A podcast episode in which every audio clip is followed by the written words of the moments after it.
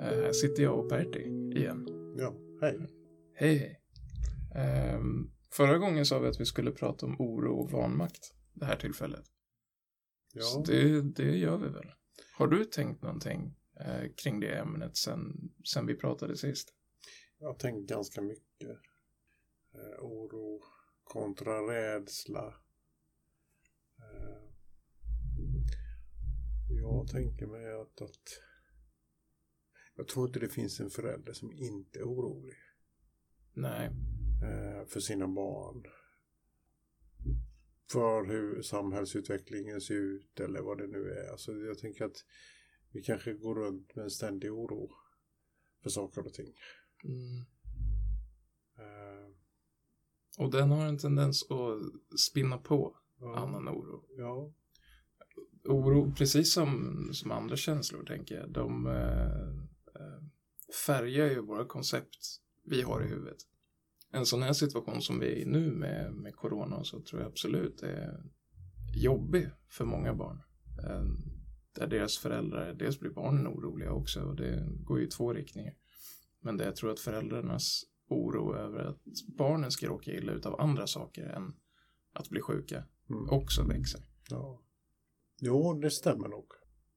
Ja, för jag, jag tänker att vi hade temat eh, kometprinciper eh, senast. Och jag tänker en av de principerna handlar ju om att börja fokusera på positiva saker istället för negativa saker. Och om man då tänker sig att oron är på väg till någonting som skulle kunna vara negativt. Eh, så är det nog viktigt att man kanske använder den principen på, på ett sätt där man faktiskt eh, bestämmer sig för att fokusera mindre på oron. Eftersom oron tenderar att, att växla. Eh, eller växa. Eh, och kanske till och med växla över till någonting som är rädsla. Mm. Har du något exempel på hur det skulle kunna gå till? Från, från ditt eget liv, tänker du är förälder själv? Um, eller från något, uh, något klientarbete? Ja, det är väl kanske mer eh, från klientarbetet eftersom det är ganska länge sedan som jag var en orolig förälder. Eh, även om, även om jag mina vuxna barn är man ju också orolig för eh, Mm. på, på ett sätt. Eh, men, men det är ju någonting helt annat än, än när man är där i, i, i tonåren och så. Mm. Eh, Jag tänker att, att eh, eh, om jag tar ett exempel från mitt jobb så är, så är det ju så att, att det finns en, en gräns där oron börjar gå över i någonting som, som gör att jag börjar eh, bli mer känslostyrd. Jag tänker att det finns en oro som ibland håller mig lite vaken en stund eller där jag ligger och funderar på vad var eh, min son eller min dotter håller på med, vilket umgänge han eller hon har. Mm. Det är väl ett ganska, ganska naturligt sätt att, att liksom ha en oro. Det tycker jag. Ja. Jag tror att det är svårt att känna sig sedd om ens föräldrar inte ens bryr sig om vart man är. Ja, det är precis, bra att få en precis. liten fråga ibland. Ja. Vart har du varit? Mm. Och så. Ja. Men när det här börjar övergå från att vara den där lilla gnagande oron som man kanske alltid har eller som man på något vis behöver lära sig att leva med. När den börjar gå över i rädsla och till och med kanske i slutet eh, till någonting som heter vanmakt. Mm. Där jag någonstans känner att jag måste kontrollera. Där jag, eh, mina frågor blir allt intensivare. Mm. Eh, där jag till och med kanske börjar sätta upp regler för att min oro börjar skena iväg till rädsla och vanmakt. Mm. Det kanske inte alls har med verkligheten att göra. Alltså min, min ungdoms verklighet. Utan det är min oro som spökar. Ja. Och kanske din egen verklighet också. Ja, Vad har du med dig i din ryggsäck? Eh, Definitivt. hur är du uppväxt? Mm. Vad gjorde du på kvällarna? Hur mådde dina föräldrar och dina vänner när du växte upp? Ja. Och är det med och skapar hypoteser i ditt huvud för Mm. vad din ungdom är med om Mm. eh, och vad den gör när den kommer hem en timme sent. Och i regel så är det ju så när man väl börjar prata med föräldrar Mm. om deras fantasier om vad som sker i ungdomens liv. Och om man då också ställer frågan, hur såg din ungdomstid ut? Mm. Eh, hurdan var du som tonåring? Om man börjar ställa de frågorna så är det i regel så att det är ens egen oro, en, ens egen ryggsäck som på, på något vis Mm. skapar den där oron. Ja, för den kan ju se ut eh, på olika sätt för att Ja. skapa oro. Den kan dels vara att du har växt upp eh, ja, men kanske med en, en del destruktivitet runt omkring dig. Men det kan också vara att du är uppväxt väldigt tryggt eh, och inte själv har någon erfarenhet av det som din ungdom går igenom just nu. Det Eh, och det betyder ju inte heller att det är, att det är farligt. Nej. Eh, men oron är ju där eh, ändå. Alltså det, det kan låta som att vi bara säger att äh, sluta vara orolig. Mm. det är inte så farligt. Men man behöver ju göra någonting med det. Eh, oavsett sin historia och sin ryggsäck. Och man kan nog tänka intellektuellt att det här är inte rimlig oro. Det är inte oro för saker som antagligen faktiskt händer med min ungdom. Eller tonåring när den är ute. Ehm, men det, det där intellektuella, det är som du säger också, det är som bortblåst eh, när oron väl tar tag i en. Mm. Man blir känslostyrd och känner att man behöver kontrollera tillvaron ehm, för att vara lugn. Mm. Man blir inte lugn av det. Nej. Det vet vi ju. Ehm, vägen till att bli av med oro är ju inte kontroll. Nej, Det är känslorna som pratar. precis. Känslorna tar tag i en och säger Ja. om du bara kontrollerar den här situationen då Mm. kommer du bli lugn. Mm. Men vad är, vad är den, den sunda vägen då? Oro kan man ju ha. Eh, men hur, hur kommer vi ur det utan kontroll? Hur kommer vi ur det liksom? Jag, jag tänker att skiljelinjen någonstans måste kanske ändå vara att, att jag tänker att om, jag, om den här situationen i min ungdomsliv eh, oroar mig och till den milda grad att jag är tvungen att börja kontrollera så måste jag fundera på eh, varför jag ska kontrollera och vad det är jag ska kontrollera och eh, hur mycket eh, vad är min ungdom för ungdom? Alltså är det en strulpelle, är det en strulmaja eller Mm. är den tillsammans med, med, med konstiga människor? Har jag inte koll på vad det är för, för människor som, som min ungdom umgås med så kanske jag behöver bli lite nyfiken på det. Att Mm. vi, vilka är det man Och leta med? efter svaren på de frågorna hos Ja. sin tonåring. Ja. Inte i sin egen rädsla och i Precis. sitt eget huvud. För Precis. där kan man tänka Ja. att jag vet exakt vilka det är. Mm. De är jättefarliga. Mm. Utan var nyfiken som du säger på vilka är det här egentligen? Prata eh, med ungdomen. Mm.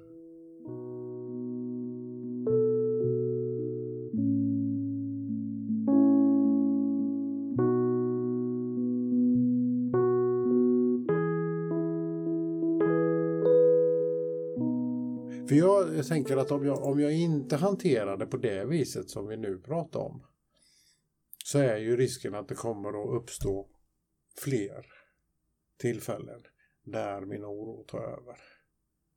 Jag tänker att jag har ju en uppgift som förälder att lära mig och hantera min oro. För oron har vi och den kanske vi måste lära oss att leva med. Men just att faktiskt lära oss att leva med den. Och inte låta den skena iväg till att bli rädsla.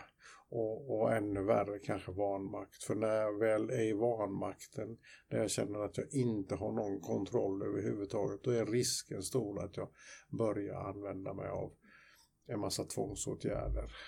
Mm. Utegångsförbud, hot om både det ena och det andra, dra in veckopengar och vad det nu är. Och egentligen så kanske jag faktiskt inte har koll någonting på vad det är min ungdom egentligen håller på med. Mm. Och vanmakten är ju ett eh, det är ju den andra sidan av just den här eh, delen av en som vill få kontroll på situationen. Ja. Känslolivet tar över när man är orolig Ja. och vill ha makt, vill ha kontroll, vill Mm. se vad det är som händer och ha Mm. koll på läget. Och när man inte får det, eh, ungdomar brukar ju inte ge det. Nej. Nej. Eh, de är människor som håller på och växer sig fria på ett sätt. Eh, och att då ge bort sin egen makt till sina föräldrar, det brukar inte locka någon tonåring faktiskt. Nej, och, Och då när man inte får det där, det är då vanmakten kommer. Ja. Ehm, och det vanmakten är ett uttryck för, och det, det har vi pratat om förut också, det är ingen förälder som vill på något sätt vara taskig mot sina barn. Nej. Vanmakten kan ju till och med gå så långt så att det blir våld. Ja, jag tänker att den kommer, jag tänker att det här eskalerar ju. Alltså, om jag låter min oro börja och, och styra tillvaron, där jag börjar bli rädd, eh, där jag börjar och kanske till och med köra över gränserna. Det du sa om, om att ungdomarna börjar skaffa sig ett eget liv och de har faktiskt rätt till ett privatliv. Och om man börjar och, och liksom vara och trampa lite för mycket i, i, över de gränserna så är ju chansen, risken stor att jag faktiskt får en reaktion ifrån min ungdom som bara bekräftar för mig att jag har rätt i min oro och min vanmakt. Mm. Eh, eller i min rädsla. Och så hamnar jag i vanmakt. Och i det läget så är det ofta så att eh, ungdomen till och med kanske eh, blir dum i mun eller alltså talar om Mm. att eh, du är en skitstövel till farsa eller morsa. Du fattar ingenting. Du, du eh, litar inte ett jäkla skit på mig. Och så, och så Mm. eskalerar det här och då händer det att man kanske brottar ner sin ungdom eller att man vägrar att släppa ut den eller vad det nu är och så blir det bara fel allting. Mm. Och då har det gått för långt. Då har jag låtit. Och där tänker jag att det är viktigt att där är jag som förälder. Den som ska ha rodret i det här. Det är jag som är chefen. Det är jag som är lotsen. Mm. Jag ska inte låta det driva iväg på det här viset. Utan långt innan det kanske vi skulle sitta och prata med varandra istället. Mm.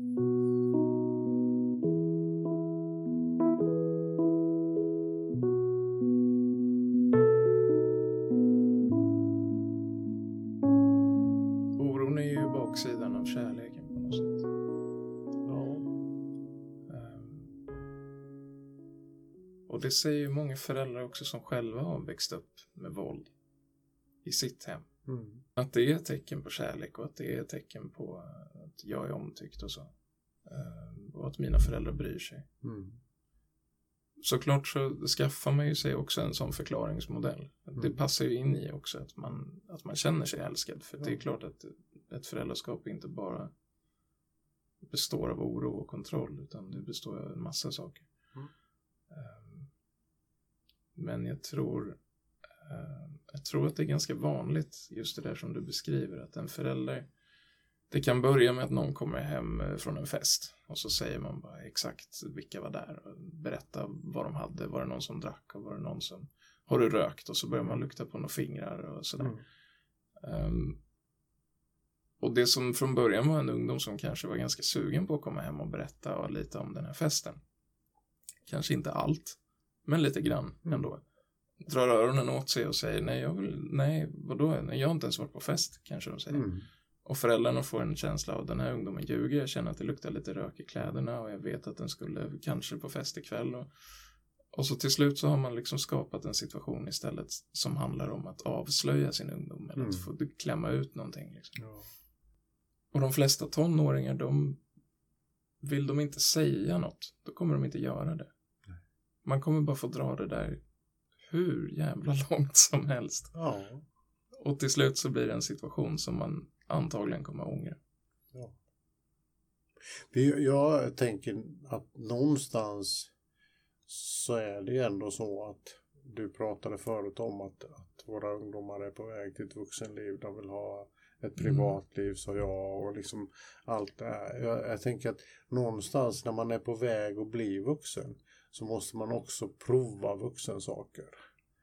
Och I det ingår, jag säger inte att det är okej, okay, men det ingår att kanske prova alkohol i en viss ålder för mm. att det finns kompisar som gör det. Vissa av våra ungdomar har en sån pondus så att de behöver inte gå in och, och prova eh, alkohol. Eh, de kan vara där ändå. Man ska inte förutsätta att alla, alla ungdomar faktiskt provar alkohol. Men jag tänker ändå att det är en del av att bli vuxen. Att börja prova och börja vara lite nyfiken på det som sker. Om jag som förälder någonstans bestämmer mig för att det faktiskt förhåller sig på det viset. Mm. Att det är inte alltid att min ungdom är den som, som eh, inte gör någonting dumt eller inte provar någonting dumt. Utan liksom, det förhåller mig till att det faktiskt är så det är. Det är så eh, det har varit i alla tider. Att, att uh, ungdomstiden, tonårstiden är till att träna för att bli vuxen. Ja, ja det är så många fler saker. Nu pratar vi bara om, om det destruktiva. Mm. Dricka och röka och, mm.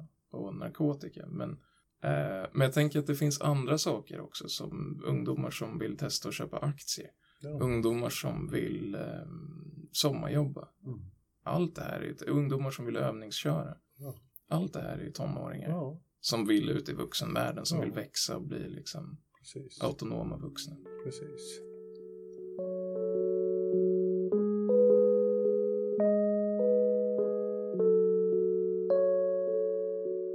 För även om min ungdom är på väg att bli en vuxen individ och behöver ha mer och mer av sin privata värld så är det ändå så att han eller hon behöver sina föräldrar.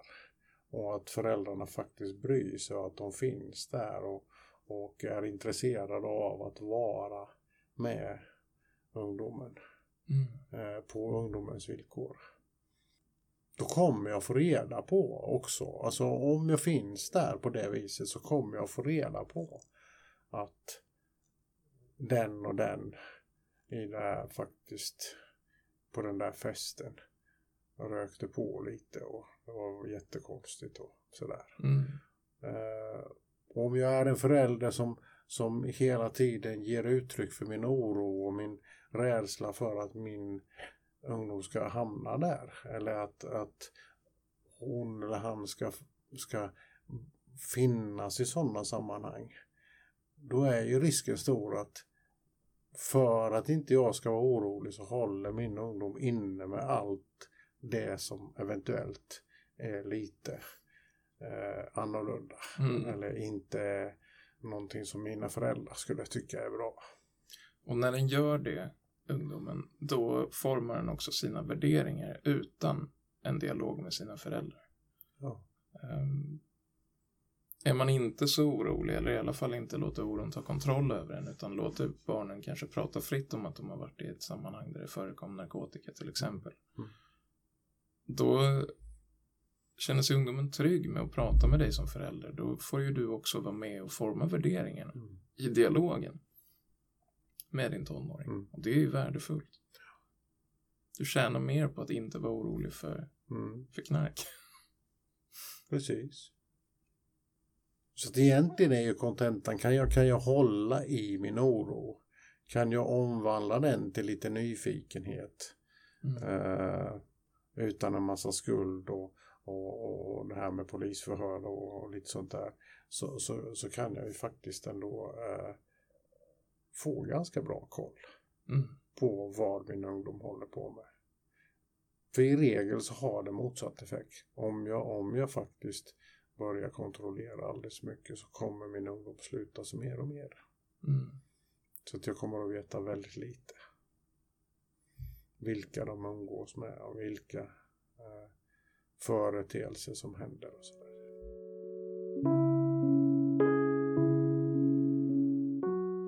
Sen så måste jag fråga dig. Eh, du har jobbat en del i, i eh, med missbruksvård till mm. exempel. Um, om man är en förälder som har en ungdom som en ungdom som är kanske djupt inne i kriminalitet eller kommer hem skamlöst pårökt och liksom bryr sig inte. hur gör man då när det har gått så långt? För där finns det ju ett visst mått av eh, att behöva ta kontroll som jag kan tänka mig ändå är sunt. Definitivt. Och hur gör man det på ett sunt sätt i så fall? Där man fortfarande värnar om relationen och att vi ska kunna titta varandra i ögonen när vi blir äldre, mm. till exempel. Jag tror inte att det finns ett svar på det och, och, och uh, för det där, det där är, är, ju väldigt svårt om det nu om, om, vi, om vi drar det värsta scenariot att jag faktiskt har en ungdom som, som någonstans har bestämt sig för att jag vill hålla på med det här. Mm. Uh, alla andra gör det, det är inget farligt. Det, uh, då är det ju viktigt att jag reagerar med, med en, en SOS-anmälan till exempel. Eller att jag börjar och, och, ändå prata om att det här kommer vi inte ställa upp på. Alltså, så här kan vi inte ha det. Jag kan inte tillåta att du förstör ditt liv. Mm. Uh, men att man tar hjälp. Det finns hjälp att få. Jag tänker att här i huset har vi Mini Maria som, som jobbar riktat mot ungdomar med missbruk och sådär. Och, och dit kan man ju komma frivilligt som förälder. Mm. Eh, ringa. Eh, men man måste ju få med sig sin ungdom hit. Och får man inte det frivilligt då är det ju eh, socialtjänsten som kan bistå med, med en insats till och med. Mm. Men jag tänker någonstans att i, i de bästa av världar så är det så att min ungdom kommer hem och är pårökt eller vad det nu är den har tagit. Den kan ju vara full också. För jag tänker att även om alkohol är eh, någonting som är legalt och, och använda och att det finns liksom tillgängligt på ett annat vis än vad, vad, vad, annan, vad andra preparat är så är det ändå ett berusningsmedel som inte min ungdom ska hålla på med just nu. Så är det ett varningstecken om det, om det liksom om man kommer hem på fyllan och det kanske har skett mer än en gång. Mm. Det behöver man ju ta på allvar. Eh, då tänker jag att låt fyllan gå över. Låt ungdomen gå och lägga sig och sen tar man ett allvarsnack dagen efter. Mm. Eh, lite förnuftsresonemang, lite frågor. Är det så här du tänker att det ska vara? Eh, var det en engångsföreteelse? Eh, eller är det här någonting som, som befaras fortsätta och sådär. Att någonstans liksom prata med ungdomen om det. För jag tänker att det, det, är mycket bättre att ta en rak kommunikation om det. Och är det så att jag som förälder då känner att jag inte når fram till min ungdom, då måste jag också stå för att jag tänker inte låta det här pågå. Jag kommer att anmäla det här till socialtjänsten eftersom inte vi räcker till. Så jag tänker att man kan göra det här eh, på ett ganska fyrkantigt men ändå schysst sätt. Jag tänker att det viktiga är väl ändå att ungdomen känner att jag gör det för att jag bryr mig. Ja. Inte för att jag vill sätta åt. Nej, precis. Uh, och inte heller ur rädsla vill man ju inte att ungdomen ska Nej. sluta med det den håller på med. Uh, då tror jag att det finns en risk att det istället sker i hemlighet. Mm. Uh, att man blir ganska bra på att gömma sitt liv snarare än att vara öppen med sitt liv. Ja, jag tänker att om, om det nu är så att en ungdom kommer hem på fyllan. Mm. Då kommer den ändå hem. Ja. Fortfarande. Och det säger ju ganska mycket om föräldrarna.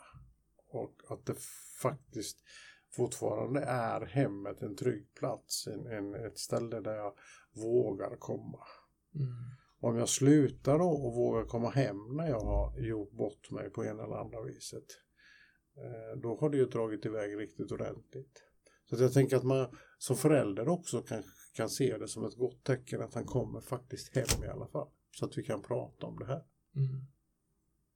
För det är nog det viktigaste, att jag som förälder hela tiden står för att det är jag som ska prata om det här. Det är jag som ska ta upp det här. Det är jag som ska stå för tryggheten här.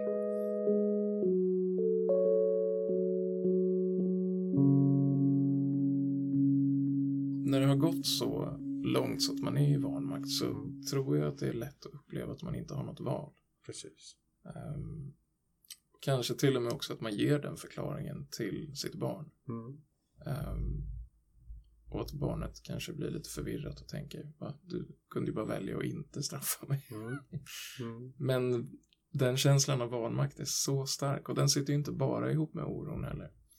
Eh, den sitter ihop med andra rädslor. Eh, som att man kanske är rädd för att skämmas inför sin, eh, sitt sammanhang, sina Mm. släktingar, Mm. sina grannar.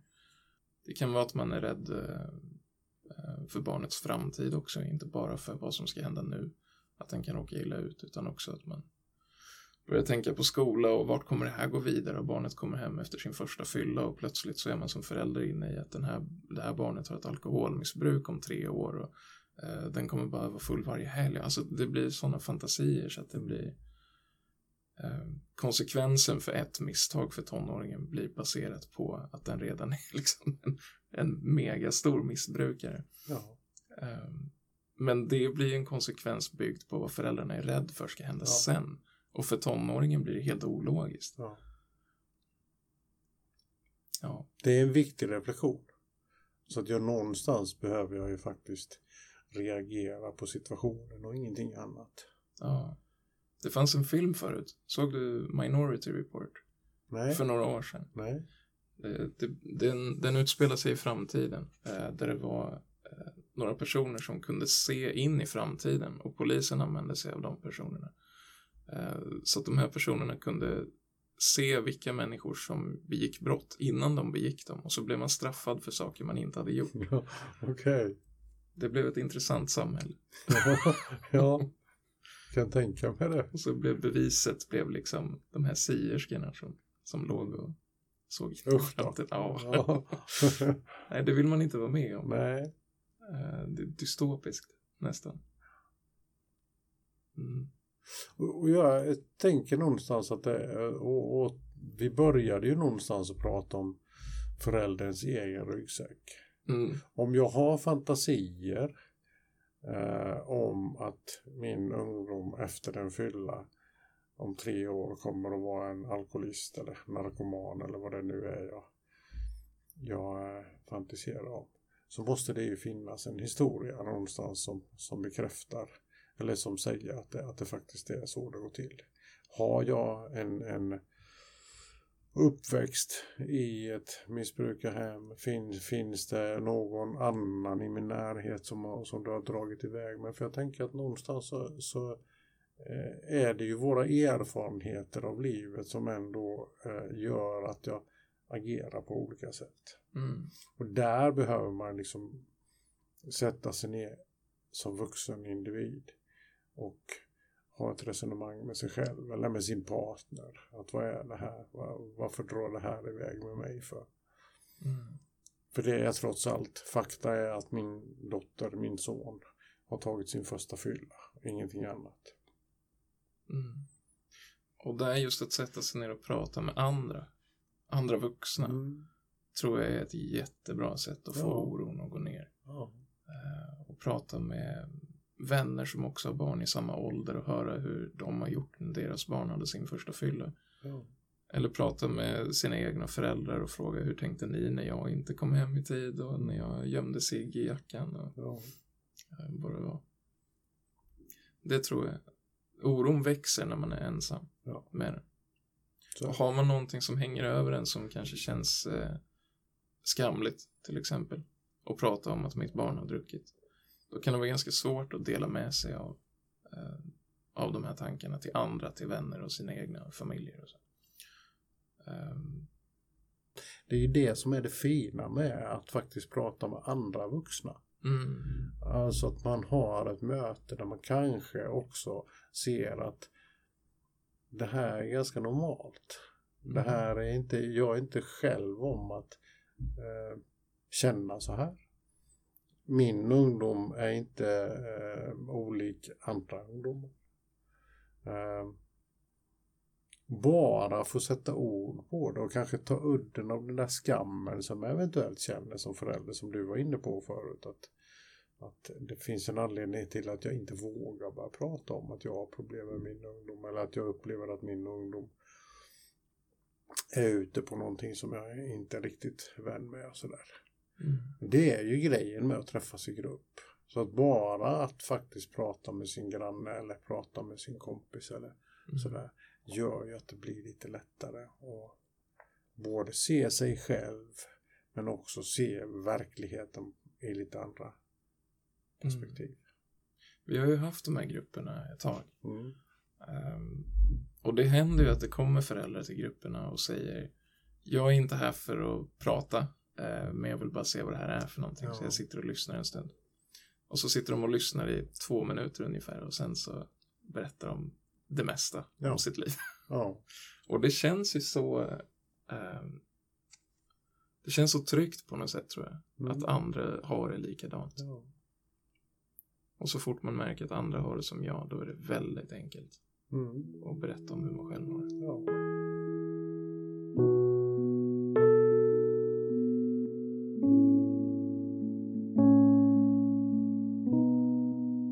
Kan min oro vara till hjälp för min tonåring? Ja, det kan den absolut. I, det är som en krydda på något sätt. Eh, kan det vara gott med för mycket salt i maten? Nej, det kan bli äckligt efter en Mm. stund. Mm. Eh, men en lagom, en lagom mängd salt kan göra att maten blir mycket godare. Mm. Eh, och jag tror att det är samma med oro, att man behöver också man behöver också förstå att allt som vi känner som människor, det finns där av en anledning. Allt har en funktion. Mm. Ehm, och även oron har en funktion att förmedla kärlek. Mm. Att också göra dig som förälder intresserad av ditt barn. Mm. Intresserad av att ställa frågor. Det är därför oron är obekväm. För att du ska vara nyfiken på vad är det som händer. Ja, den är till hjälp när jag fortfarande är en... Eh, alltså jag tänker, du var inne på det precis i början på det här samtalet, att, att eh, eh, det är ju ett sätt att bry sig. Mm. Jag älskar dig, jag är orolig för att det inte ska gå bra för dig. Och jag är, rädd att du ska fara illa där ute. Eller, Mm. Det är klart, det är ett sätt att bry sig. Ja, för Så- vi har ju pratat mycket idag om eh, de negativa aspekterna Mm. av vad som händer med oro eller hur oro kan se ut. Ja. Men oro är också det som gör att, att ditt barn får en världens största kram när den kommer hem. Mm. Eh, Det är oro som gör att du går runt i timmar och letar efter ditt barn på, eh, inte timmar kanske, men flera minuter på ICA. Mm. Förhoppningsvis har du inte tappat bort det i flera timmar. Men, eh, och det är det som också gör, eh, det är det som gör som att man står som förälder och bara tittar att ens barn andas när den är nyfödd. Ja. Eh, Alltså oron är, det är en fin känsla Mm.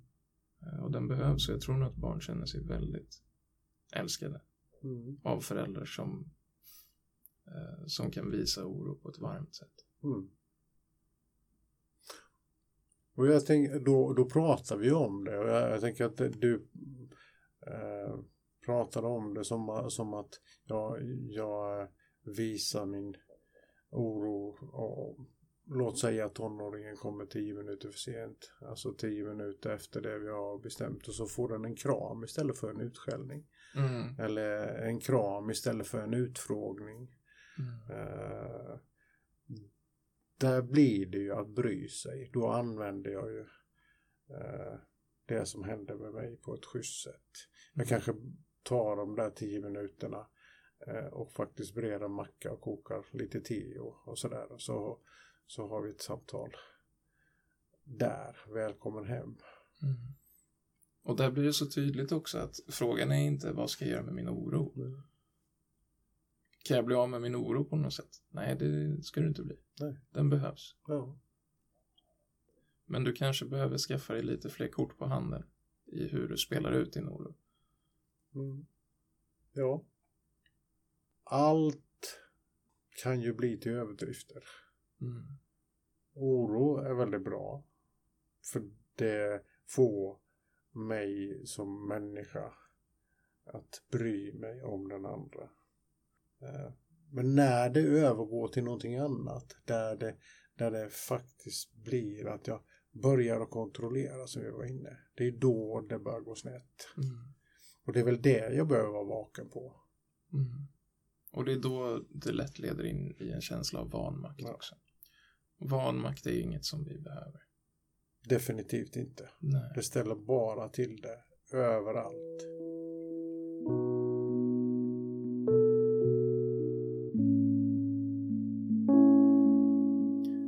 Att syssla med konsekvenser och, och bestraffning och uh, konsekvenser är en form av betingning. Uh, det är en form av att man försöker vänja en varelse, en människa eller djur eller liksom vilken varelse som helst egentligen vid att det här beteendet får den konsekvensen. Alltså är det beteendet oönskat. Det är det som är liksom själva Ja. poängen och så uppfostrar man djur ganska ofta. Mm. Eh, Så gör man med hästar och så gör man med hundar och så gör man liksom ehm, och skillnaden är just det att tonåringen ska bli autonom och självgående. Mm. Den ska bli vuxen en dag, det ska inte djur. Nej. Du ska gå och ha kontroll över den där hunden i koppel tills den dör och då är, på ett sätt så funkar det också att uppfostra den med betingning och konsekvenser. Och det är väl precis det jag, jag tänker att i och med att ungdomar ska bli vuxna så behöver också hela deras liv och deras intressen hur det ser ut respekteras för att det är någonting som de ska också bygga hela sin verklighet på Mm. sen. Definitivt. Någonting jag skulle vilja säga är också att, att jag vet inte om vi sa det i vårt förra avsnitt men det tål ändå att upprepas att, att eh, alla barn vill ha stolta föräldrar. Mm. Alla barn vill göra sina föräldrar stolta. Eh, någonstans så behöver vi ha det med oss som föräldrar. Vi vill vara stolta föräldrar. Vi är stolta över våra barn. Eh, allting går egentligen ut på det i, i relationen. Det är när, när, det, när det börjar gå snett som det blir någonting helt annat. Så om jag kan ha det med mig som förälder att, att det är faktiskt så att det är ganska naturligt i våra barn att de vill ha stolta föräldrar. De vill vara oss till lags till en viss gräns. Sen blir de större och större och de blir mer och mer vuxna och vill ha mer och mer av privatliv. Mm. Och det är den där balansgången. Jag ska inte vara kompis med mitt barn för jag är alltid en förälder och jag är alltid en ledare på, på det viset. Men, men jag kan ha en bra relation till mitt barn. Mm. Och den är jag herre över som förälder. Jag tror vi har täckt in det mesta som vi brukar prata om kring det här ämnet. Ja, det är ett svårt ämne eller svåra, jag tänker att oro och vanmakt, det, det finns ju hur mycket som helst att prata om egentligen. Mm. Och sådär. Men jag tror, jag tror ändå att vi har fått det mesta med oss. Eh, och har vi inte det så hoppas vi väl att det kommer lite frågor. Ja, Vi har ju den möjligheten att vi Ja, svara på lite frågor som föräldrar kan skriva in till oss. ja. Mm. Ja, mejla gärna in. Ehm, vi, vi heter ju som vi heter. Det Mm. står i, i poddbeskrivningen, men vi heter Pertti Kunnila och Andreas Hofer. Och det är bara att Mm. skriva för punkt efternamn Mm. snabel salem.se Precis. och så skickar man sin fråga Mm. dit. Jag skulle vilja avsluta eh, den här stunden med att läsa någonting som jag har uppsatt på, på mitt kontor. Och det är utifrån ungdomens perspektiv. Ehm, Krama mig ofta så blir jag glad och trygg. Låt mig känna mig älskad även om jag har varit stygg. Stå fast, ni som är vuxna, trots mina prövningar och test. För även om jag klagar är ni ändå bäst. Visa mig i handling vad respekt är för någonting. Lär mig se det vackra i världen runt omkring. Tala om att jag duger just precis som jag är. Och låt mig höra ofta att jag är er väldigt kär. Låt vårt hem vara ett ställe där tolerans och kärlek bor. Och kom ihåg att man kan leka även om man blivit stor.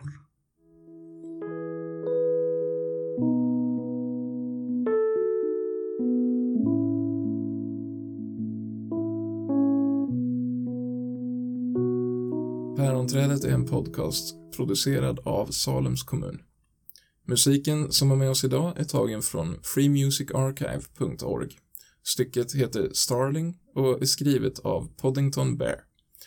Den som vill är välkommen att sitta kvar och lyssna på stycket i sin helhet.